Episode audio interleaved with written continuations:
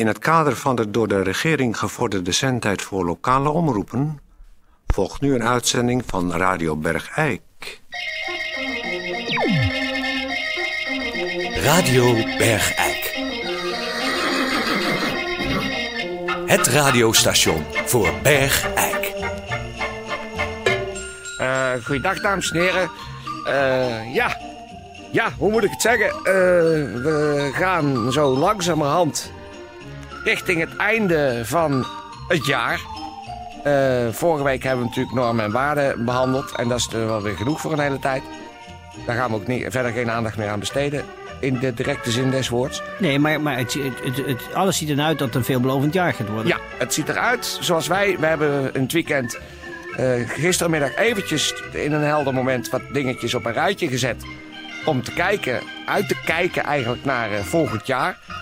En uh, wij, Peer en ik en Tetje ook, zijn tot de conclusie gekomen dat zeker de eerste twee maanden van het nieuwe jaar voor Radio Bergijk zeer veelbelovend uh, zullen zijn. We gaan allemaal nieuwe dingen proberen. Ja, en die staat geheel in het kader van de verkiezingen. Geheel in het kader van de verkiezingen, actualiteit. Ja, we krijgen in Radio Bergijk stemwijzer. We krijgen een, ja, een, een, nieuwe rubrieken, nieuwe... We hebben zelfs een idee voor een, eh, een soort hoorspel uh, in Radio Bergijk. Dat is misschien ook wel eens leuk, een hoorspel om dat te doen in het nieuwe jaar. Maar we krijgen veel prominenten, we krijgen politici, we krijgen Brabantse politici. Landelijke, landelijke politici. politici. We gaan eh, vooral in de maanden januari, februari, februari heel veel nieuwe, nieuwe dingen, dingen, doen. doen. Zo'n nieuw, ja, een nieuw jasje zou ik zeggen. Het is echt een, nieuw, nieuw, nieuw ja, jasje ja, van Radio Ja, dat is genoeg. Toon. Ja, zoals u misschien weet of misschien niet weet, uh, verlenen wij als Toon Sporenberg en Peer van Eersel bijna nooit onze medewerking aan uh, acties. Of het nu voor het goede doel is of niet, maar wij moeten onpartijdig blijven. We maken natuurlijk deze keer een uitzondering, want het gaat om de kindertelefoon. Precies. En de kindertelefoon wil heel graag de goede werkzaamheden van de kindertelefoon onder de aandacht brengen van een grotere publieksgroep. En u gaat nu horen een, een soort promotiespot. En die heeft de vorm van een wist dat? Rubriek. Rubriek. En de rubriek die gaat over de goede daden van de kindertelefoon. En um, de, dus eenmalig verleden wij toch onze medewerking aan een goed doel. Uh, wist je dat? Je, als je je probleem aan iemand anders, bijvoorbeeld de kindertelefoon, voorlegt, dat je het vaak zelf beter gaat begrijpen? Wist je dat? De mensen bij de kindertelefoon het werk allemaal vrijwillig doen? Wist je dat? Het jaar 1979, het jaar van het kind was, en in dat, dat jaar de kindertelefoon is opgericht? Wist je dat als je de kindertelefoon belt, je telefoontje in principe anoniem behandeld wordt? Wist je dat? Als jij neerlegt, de medewerkers van de kindertelefoon meteen je ouders bellen? Wist je dat? De medewerkers van de kindertelefoon, na een dag aan de kindertelefoon te hebben gezeten, meestal een knappende migraine hebben van jullie gemekken? Wist je dat? De meeste problemen waarmee kinderen bellen naar de kindertelefoon door de kinderen zelf veroorzaakt worden? En wist je dat de meeste gevallen van kindermishandeling ook door kinderen zelf worden uitgelokt? Wist je dat tegenstribbelen als je vader iets wil gewoon meer pijn doet dan meewerken? Wist je dat als je dagelijks met een vinger in de vaseline gestopt je poepgaatje opruikt, dat het dan veel minder hard werken wordt voor je vader? Wist je dat er in totaal 600 pedofielen bij de 20 kindertelefoons werken? En ze doen meer dan alleen de telefoon opnemen. Sommige medewerkers staan op festivals of komen bij jou op school om je op te zoeken. Goed, dit was dan uh, dit was een kleine bijdrage van Radio Bergijk voor een goede instantie als de kindertelefoon. Waarbij uh, natuurlijk de, de, de, de, goede daden voorop staan. En dat het uh, bijbrengen van normen en waarden, maar ook een helpende hand bieden. Ja, en dat kinderen zich een beetje realiseren waarmee ze deze mensen ja, overvallen of lastigvallen, of welk woord je er ook voor wil gebruiken. Dat het dus niet zomaar lichtvaardig van de geweldige inzet van deze mensen. Hé, hey, ja. wat krijgen we nou? Hey.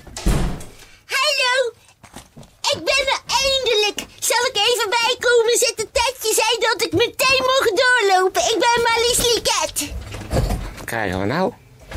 Leuk hè dat ik er één keer ben. Dat jullie mij ook een keer in de echt kunnen zien. En ik jullie ook trouwens. Goed, maar ik heb weer een probleem. En daarom dacht ik dat ik meteen zou komen. Wou je het zeggen? Tatje. Tatje, wat heb jij binnengelaten? We, we zijn niet speciaal voor kinderen en we hebben ze ook liever niet binnen. Zeker maar Tatje zei dat ik die deur met het rode lampje moest nemen. Ja, maar dat is... Wacht even, Tatje, zet even muziek op. Dit is, eh, wacht even. Ik wou jullie namelijk iets komen vragen, want jullie zijn altijd heel erg hulpvriendelijk en bereid voor mij. Ja, maar kijk, wij zijn hier nu eh, radio aan het maken, hè? Ja, maar het kan ook anders straks. Ik wou, of we kunnen het misschien na de uitzending doen dat we een hapje gaan eten of zo en dan even mijn problematiek doorpraten. Ja, maar wij gaan niet met vijfjarige meisjes eh, uit eten, hoor. Waarom niet? Ik kan heel goed eten als je maar geen kindermenu voor mij bestelt. Dan wil ik lust best alles. Ik lust zelfs slakken. En ik lust bleude. Eh, zeg, weten je vader en moeder dat je hier bent? Nee, want ik kon het nog even niet zeggen, want die waren niet thuis. En ik kon het ook niet opschrijven. Dus ik dacht, dan zien ze het wel dat ik niet thuis ben. En dan horen ze mij misschien op de radio. Nou, dan weten ze vanzelf waar ik was. Ja, Ja, goed. Maar we, wij zijn niet helemaal ingericht op kinderen, hè? eh, meisjes in eh, jurkjes met kniekaarsjes en, en zwarte lakschoentjes. Nee, Maar toon, daar hoef je toon. niet voor ingericht te zijn. Ik pas ook wel op een rode mensenstoel. Ja, Ja. ja. Goed, maar ik wou het volgende voorleggen aan jullie. Ja, weet je. Ik, ik zit te denken over later, want later ga je toch een toekomst bestegen moet. En wat gaat er dan met je gebeuren? Wie kom je eventueel tegen? Wie wordt je levenspartner? Of Ja. blijf je altijd alleen? Dat zijn vragen, vragen, vragen. Daar kan ik zo mee zitten. En misschien omdat jullie al zoveel ervaring des levens hebben, kunnen jullie daar wat op antwoorden. Ja. Hoe hebben jullie dat gedaan? Ik zeg maar Toon, ik zeg maar Peer. Hoe zijn jullie ooit aan een partner gekomen? Ja, Ja.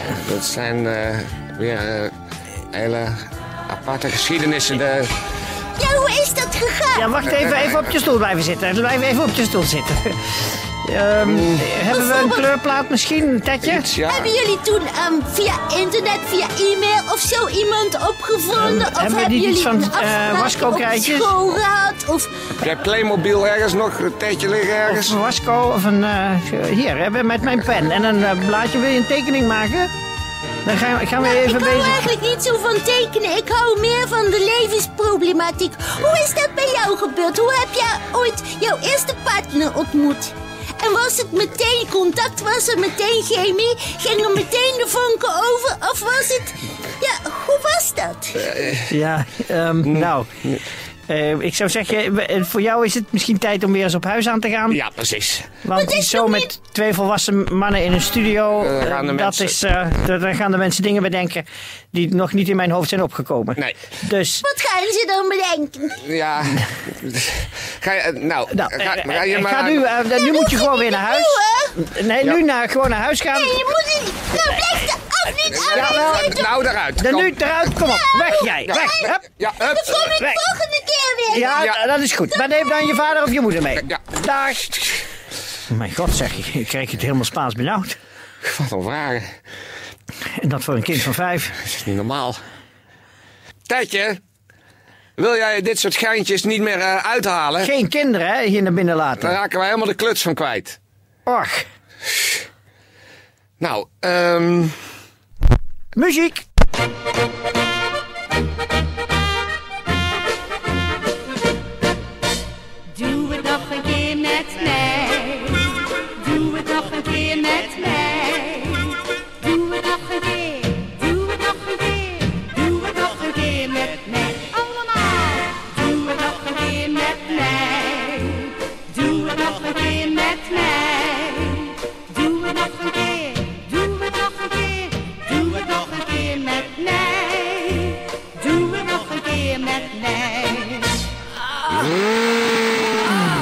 Prostitutie-occasion van de week. Schadehoeren.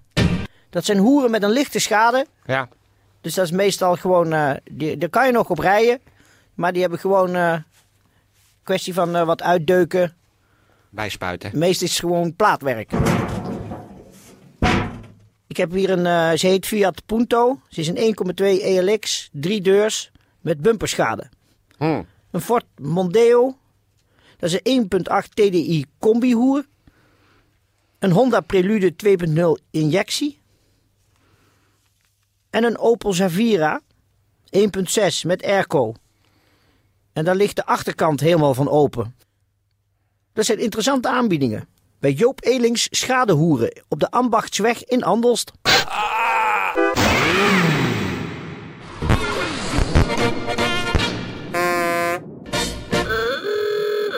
Ja, dames en heren, is even een, eh, een verkeersbericht. Want de provincie maakt zich enigszins zorgen omdat het percentage slachtoffers bij alcoholongevallen. En dat met name op eh, gelijkwaardige kruisingen binnen de bebouwde kom van Bergijk. spectaculair is gestegen. Het aantal slachtoffers in eh, 2001 is met 425 slachtoffers toegenomen. Naar een totaal aantal van 1633. En dat geldt dus voor eh, het jaar 2001. En daarnaast eh, is er ook een spectaculaire stijging onder slachtoffers eh, die, die zogenaamd de Bob zijn. Het lijkt namelijk dat de gemiddelde beschonken bergijkenaar eh, dermate agressief wordt en toch wil rijden, dat de nuchtere Bob ja, het moet ontgelden. En daarvan zijn nu 37 Bobs zijn dus in het jaar 2001 gesneuveld. Ja, de provincie maakt zich daar zorgen om. Ik vind het zelf een beetje overdreven. Dit zijn gewoon dingen zoals ze in de gemeente Bergijk ja, hun loop vinden. En eh, ik vind dat de, de, de overheid van Brabant zich daar niet al te veel tegen aan moet moeien. Wij doen het in eh, Bergijk zoals we het doen in Bergijk. En je kan het natuurlijk ook bekijken als een soort eh, natuurlijke selectie, zoals we die in de natuur kennen. Ja, het recht van de sterkste. En als je dronken bent, ben je nou eenmaal sterker. En als je in de kudde niet meedoet of de andere kant op wil lopen, Of je kop boven de maailijn uitsteekt. Met je nuchtere hersens. ben je een slachtoffer voor eh, de om de kudde heen cirkelende roofdieren. Oftewel, de dronken lappen. Precies. Tot zover dit verkeersbericht.